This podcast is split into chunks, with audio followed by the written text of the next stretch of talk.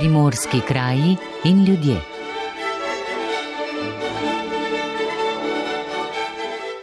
Društvo ljubiteljev železnic Ilirska Bistrica deluje že dobro desetletje, njegov nastanek pa nekako se upada s prihodom Ivana Simčiča na mesto kustosa pokrajinskega muzeja Koper. In k meni so pristopili takrat uh, zaposleni na slovenskih železnicah, ker so videli, da napremo nekaj ustvarjamo, da nekaj se dogaja, da nekaj pripravljamo na področju muzejstva. No in tako smo z Jadranom Možina, predvsem njim, ki je velik entuzijast še danes, smo se usedli in eh, začeli razpravljati, kaj bi bilo potrebno, da se ohrani dediščina. Ne? Največ je tisti moment nas skrbela rešitev eh, lokomotive Breda, ki je bila z ene strani že razrezana. In na to je opozoril eh, direktor takrat slovenskega železnica oziroma ravnatelj Mladen Bogič. No in stopili smo v akcijo, jaz sem nekako bil v komunikaciji med muzejem in občino, in slovenskimi železnicami, potem je občina pristopila k temu z določeno pogodbo in smo šli, predno je bilo društvo že v akcijo, da poskušamo rešiti Bredo. Namreč to je lokomotiva, ki je italijanskega izvora, je prva je vozila na tej progi elektrifikacija 1936. Eh, leta. Ne? Tako da smo na osnovi te akcije potem ustanovili društvo, seveda če jim prideš zraven neke ustanovitve, ti še dajo nalogo, no pa bodi ti predsednik. Ne?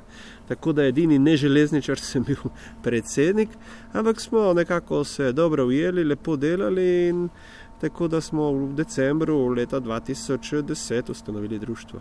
In poleg Brede, kaj vse ste pripeljali v Iljersko bistrico? Ja, glede na lep uspeh in uh, navdušenje ljudi, ko je prišla Breda in ko smo jo dobesedno preselili tistih 20 metrov od uh, prvega tira z dvigali čez, ne, je potem uh, prišla ena želja naša, da bi mogoče rešili še Mehovko, katera je na srednji iz dveh delov je Meh. Ne, Tudi italijanskega izvora, ampak je bil pogoj uh, ravnatelja slovenskih železnic, da gre pod nastrešek ker je ohranjena, da ne bi prišlo do težav. Sem se spomnil, da je edini tir, ki je pokrit, je v lesonitu. In so mi rekli, da ja, ne bo šlo, kaj to je lesonit, je neka druga, druga firma. Ne? No, jaz sem šel vseeno do takrat uh, direktorja uh, Balzazija. Uspel nekako dopovedati, da bi rabili nek prostor za 5-6 let, da bi to in to lokomotivo pripeljali. In na veliko presenečenje je rekel: V redu, mi bomo pripravili prostor, lahko pripeljete. No, in tako smo pripeljali drugo lokomotivo, potem smo uspeli eh, pripeljati uh, lahki vagon iz uh, leta 1915, katerega smo tudi do dobra preuredili, prebarvali, z dvigalom ga dvignili čez družbene prostore, v zrak in ga postavili na ta naš slepi tir. Tako da se je stvar lepo polnila, potem smo še pripeljali tračnice, katere so bile prej v Štanjelu, en stik zanimiv iz leta 1920. Vodno postajo smo želeli obnavljati, ampak tam je bilo potrebno več eh, sredstev in napajalnik iz eh, prestranka smo preselili, speskali in postavili. Tako da to smo naredili nekje med letom 2012 in 2017.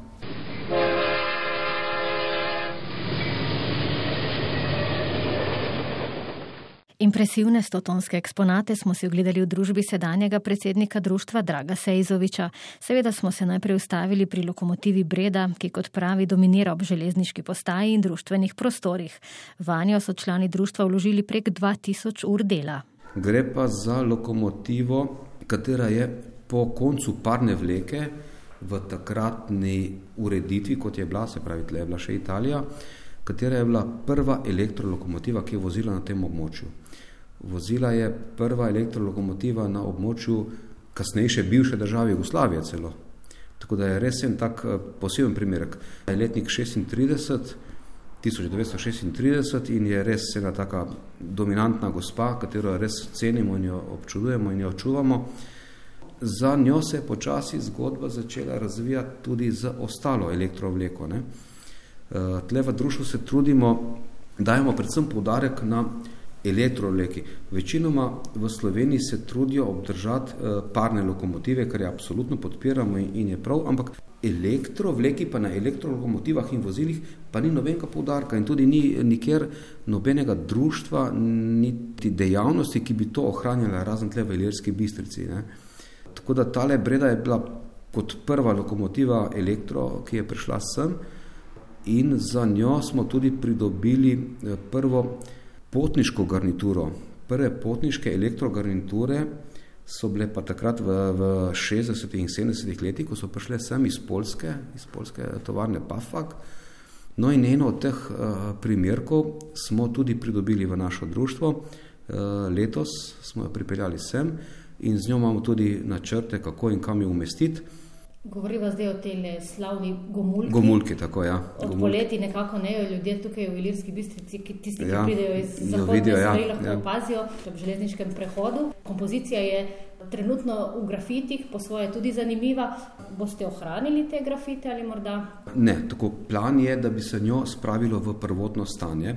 Torej, grafiti grejo dol in se jo bo pobarvalo, kot je bila včasih z rdečo-belo barvo in eh, tašno bo. Določen strah se pojavlja pri nas, da ne bi ona ponovno bila eh, pografitirana, ampak ena stvar je zanimiva.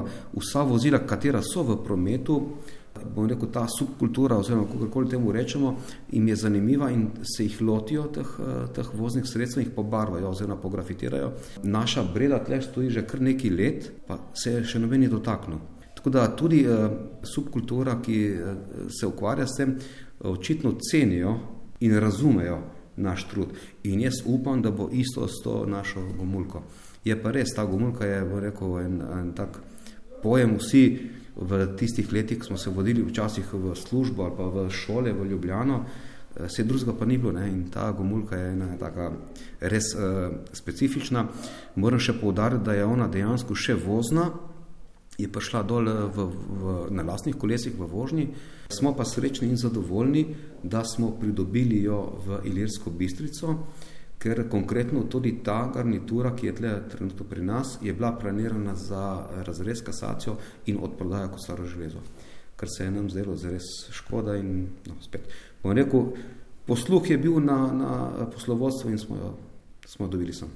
Bo stala tam, kjer jo zdaj lahko opazimo? Ne, eh, garnitura je tam trenutno eh, parkirana, dokler ne uredimo dveh tirov, katere planiramo narediti na območju postaje Ljerska bistrica, kjer bodo tudi ne samo uh, gomulka parkirana, uh, imamo tudi naslednico brede, se pravi meh, uh, lokomotiva meh, ravno tako zelo dobro ohranjena in en tak tudi specifičen in dober eksponat, tako da bi to gomulko, bredo in eventualno še, kašen, še kašno muzealijo parkirali na ta dva tira.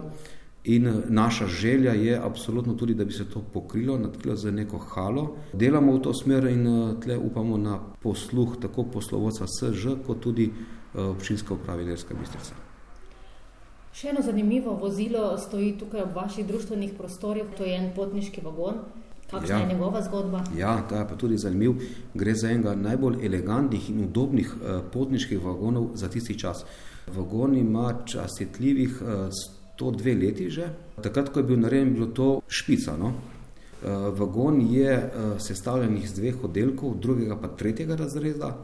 V tretjem razredu so še lesene klopi, v drugem razredu že oblazinjene z separeji, sanitarnimi prostori na vagonu, ker je bil takrat eh, res nek luksus. Pridobili smo ga ravno tako iz muzeja, SŽ iz, iz Ljubljane, so nam ga odstopili v, v čuvanje in v varstvo. Eh, tako da ta vagon je bil v uporabi precej, precej let. Na koncu je vozil kot del sestava muzejskega vlaka in eh, pač potem je svojo zgodbo tam končal in smo ga mi dobili. In še ena stavba je tukaj zanimiva. Rekli ste mi, da je edina še ohranjena v Sloveniji. Eh, ohranjena na južni, južni železnici, tako ja, gre pa za vodni stolp, objekt, kateri vsebuje dva velika rezervarja, res velika, katera so služila za napajanje z vodo parnih lokomotiv. Dokler je trajala parna vleka, se pravi, bila potreba po vodi zelo velika. Tele vodne postaje, oziroma vodni stolpi, ki jim rečemo, vodni stolp pa rečemo, zaradi, ker je tukaj visok, ne?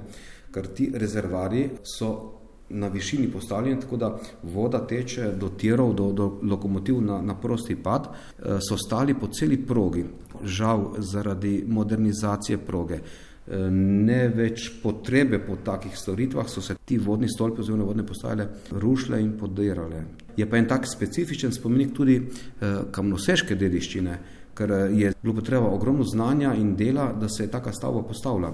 Služila je pa ne samo za napajanje parnih lokomotiv, ampak tudi za oskrbo prebivalstva z pitno vodo. Ilirska bistrica je znana po zelo veliki količini dobre in kvalitetne vode, no in to vodo so iz Ilirske bistrice s cisternami eh, vozili do Kvarnerja, skoraj do reke, potem precej postaj na istrski progi. Tako da od te vode bistrške so bile odvisne ogromno kraju in ljudi, kateri so živeli eh, s to vodo.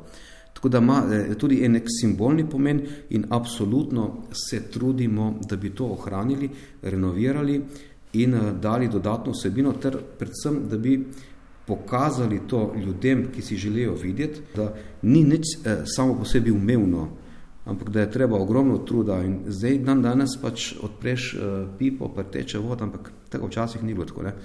Tako da to ima velik tudi tak emotivni pomen za nas in smo se tle kar angažirali in hvala Bogu, hvala Bogu bo ta vodna postaja ostala in bo obnovljena, spet bomo rekel s pomočjo uh, slovenskih železnic in uh, z ogromnim trudom članov društva. Povejva še, kako lahko obiskovalci pridejo do vas, si ogledajo eksponate. Enkrat na leto imamo dan odprtih vrat društva traja ponovadi tri dni, eh, tle smo takrat prisotni in člani društva in vsi eh, skupaj pripeljemo vse eksponate, odpremo in smo na voljo tudi za razlage.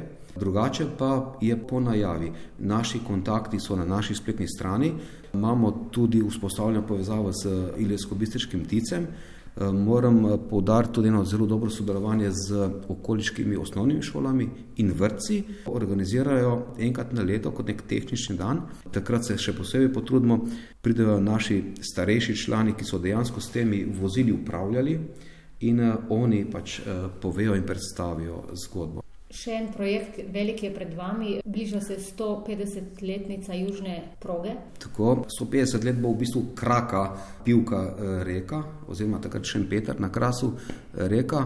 Tistega leta se je ta proga odprla, nesporno ogromnega pomena, sicer takrat zaradi večinoma vojaških potreb, zaradi pristanišča reka, ampak absolutno je ta proga naredila tudi ogromno stvar za vse okoliško prebivalstvo. Ne. To je bil takrat eh, razvoj vsega in kmetijstva, eh, gospodarstva, ekonomije na tem območju zelo velik zaradi vzpostavitve te proge. Eh, mi si želimo kot člani društva to obletnico, res 150 časvetljivih let, ustrezno obeležiti. Za leto 2023 pripravljamo kar neki dejavnosti v zvezi s tem.